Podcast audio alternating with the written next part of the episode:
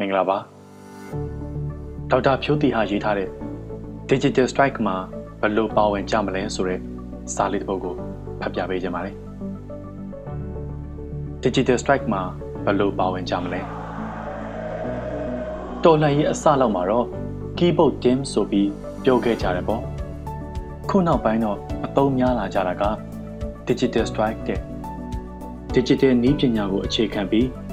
ဆန္ဒပြ ဖီဇန်တော်လန်ခြင်းလို့နားလည်ထားနိုင်ပါတယ်။တခါတလေကျတယောက်ယောက်ဒါမှမဟုတ်လှုပ်ရှားမှုတစ်ခုခုကိုနှိမ့်ချပြောဆိုခြင်းတဲ့အခါပြောမိတတ်ကြတယ်။ keyboard fighter တို့လိုင်းပေါ်မှာသာအာကျယ်နေတာတို့ profile နိုင်ငံရေးတို့စသဖြင့်ပေါ့လေ။ NUG ကိုတော့တစ်ဖက်လူတွေကလေလိုင်းအစိုးရဆိုပြီးပြောကြသေးတာမဟုတ်လား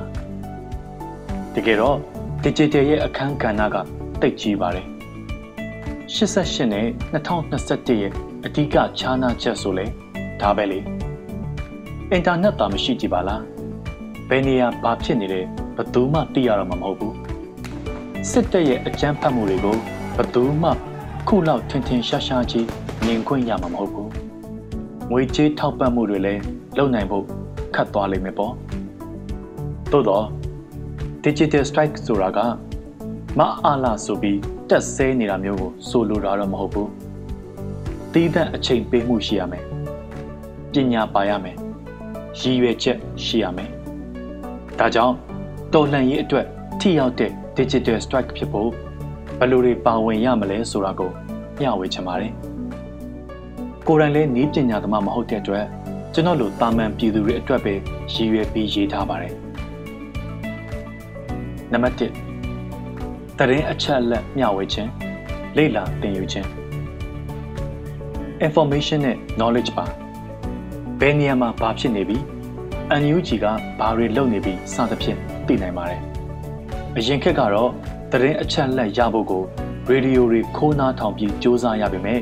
ဒီခက်ကတိတ်လွယ်တယ်ဒါကြောင့်တရင်အချက်အလက်ရဖို့ထက်မှန်တာကိုစီစစ်တတ်ဖို့ဒီပိုအရေးကြီးလာတယ် misinformation malinformation disinformation တွေကိုသိထားရမယ်သတိထားရမယ်တလက်စာလေးရှင်းပြရရင် misinformation မရည်ရွယ်ပဲတင်မိတဲ့သတင်းမှာတခုခုဖြစ်ပါစေဆိုတဲ့ရည်ရွယ်ချက်မရှိဘူးဒီလိုပဲမှားပြီးတင်မိတာ malinformation ရည်ရွယ်ချက်နဲ့တင်တဲ့သတင်းတူဒါကြောင့်တစ်ဖက်ကလူတွေထဲ့တဲ့စိုက်ဝါသတင်း တော်လှန်ရေးကိုပုံဖြတ်တဲ့သတင်းမျိုးတွေကိုဆိုလိုတာ disinformation တကယ်ဖြစ်ခဲ့တဲ့အချက်တစ်ခုကိုအခြေခံပြီးမကောင်းတဲ့ရည်ရွယ်ချက်နဲ့ဖန်တီးထားတဲ့သတင်းဒါကပိုပြီးခွဲခြားရခက်တယ်အမှန်ဖြစ်ခဲ့တာကိုမှနင်းပြီးပုံဖြတ်ထားတာဒါတွေကိုတတ်နိုင်သမျှစီစစ်တတ်ဖို့မြင်သမျှကိုအတိမယူမိဖို့လိုပါမယ်နောက်တစ်ချက်ကလေ့လာသင်ယူတာဒီမိုကရေစီနိုင်ငံကပြည်သူဆိုတာ သိဖို့လိုတယ်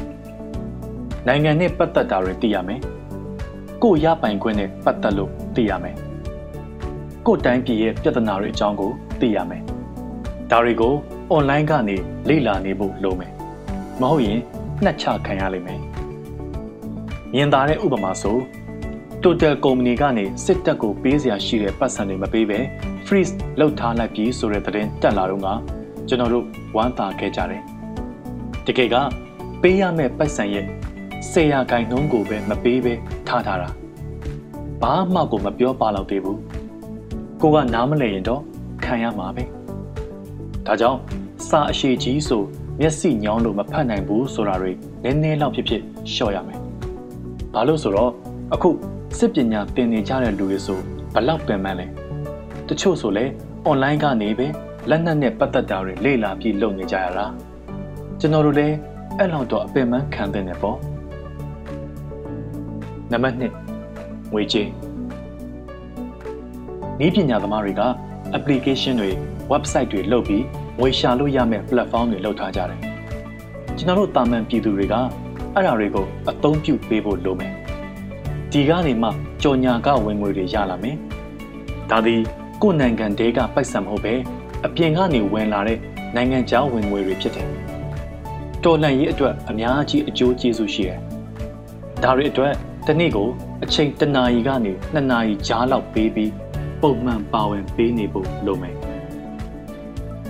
နံပါတ်3 campaign နဲ့ petition တွေ online campaign အမျိုးမျိုးရှိတယ်ဒါတွေကလူထုကိုသွေးအေးမသွားအောင်လှုံ့ဆော်ပေးတာမျိုးလူထုကြားထဲမှာအမြင်တွေပြောင်းလဲလာအောင်လုပ်တာမျိုးပါဥပမာဝစ်ချင်တာဝက်မယ် မရင်းလာမကျင်နေဆိုတဲ့ campaign ဆိုအာဓမပြုကျင့်မှုတွေမှာပြုကျင့်ခံရသူရဲ့ဝတ်စားဆင်ရင်မှုကိုခလုတ်တိုက်အပြစ်တင်နေကြတဲ့အလေးအထားကိုရိုက်ချိုးပစ်ဖို့လုပ်တာပေါ့နောက်ပြီးနိုင်ငံတကာကိုတင်သွင်းမှုအတွက် petition တွေမှာလက်မှတ်ထိုးရတာတွေရှိတယ်။#ဘယ်နှတန်းဆိုဘသူကဘာလုပ်ပေးမယ်ဆိုတဲ့ပေါက်ကြရတွေတော့မဟုတ်ဘူးပေါ့။ NUG ကဖြစ်ဖြစ်စိတ်ချယုံကြည်ရသူတွေမီဒီယာတွေကဖြစ်ဖြစ်တင်ပေးတဲ့ အကျိုးရှိနိုင်တဲ့ petition တွေဆိုအမြဲပါဝင်ပေးစေခြင်းနဲ့ဒီသုံးချက်ကတော့ digital strike ကိုပေချာလုပ်နိုင်ဖို့အတွက်စဉ်းစားမိတာတွေပါတခြားလုပ်နိုင်တာတွေလည်းရှိပါလေဦးမယ်အဓိကကတော့ဒီတော်လန်ရေးမှာအပြောတတ်တတ်အစဲတတ်တတ်မဟုတ်ပဲတကယ်ထိရောက်တဲ့လက်တွေ့အားထုတ်မှုတွေနဲ့ပါဝင်ပေးကြဖို့ပါပဲလက်နက်ကင်နိုင်မှတော်လန်ရေးမှာပါဝင်နိုင်တာမဟုတ်ပါဘူးပြည်သူအလုံးက ကြာရအခန်းကဏ္ဍကနေပါဝင်ပြီးပတ်ပေါင်းဆောင်ကထိုးနှက်နေမှကစစ်အာဏာရှင်စနစ်ဟာအမြင့်ပြတ်သွားမှာပါအများကြီးမဟုတ်ပါဘူးတနစ်တာတွေကနိုင်အနှဲငယ်တလစာတွေကဝင်ငွေအနှဲငယ်ကိုတော်လန့်ရေးတဲ့ပုံမှန်ထည့်ဝင်နေဖို့တော့လိုပါတယ်ဒါမှသာကျွန်တော်တို့မျှော်လင့်နေတဲ့ပန်းတိုင်စုကိုမြန်မြန်ရောက်နိုင်မှာဖြစ်ပါတယ်ဒေါက်တာဖြိုးတီဟာ9ရက်17လ 2021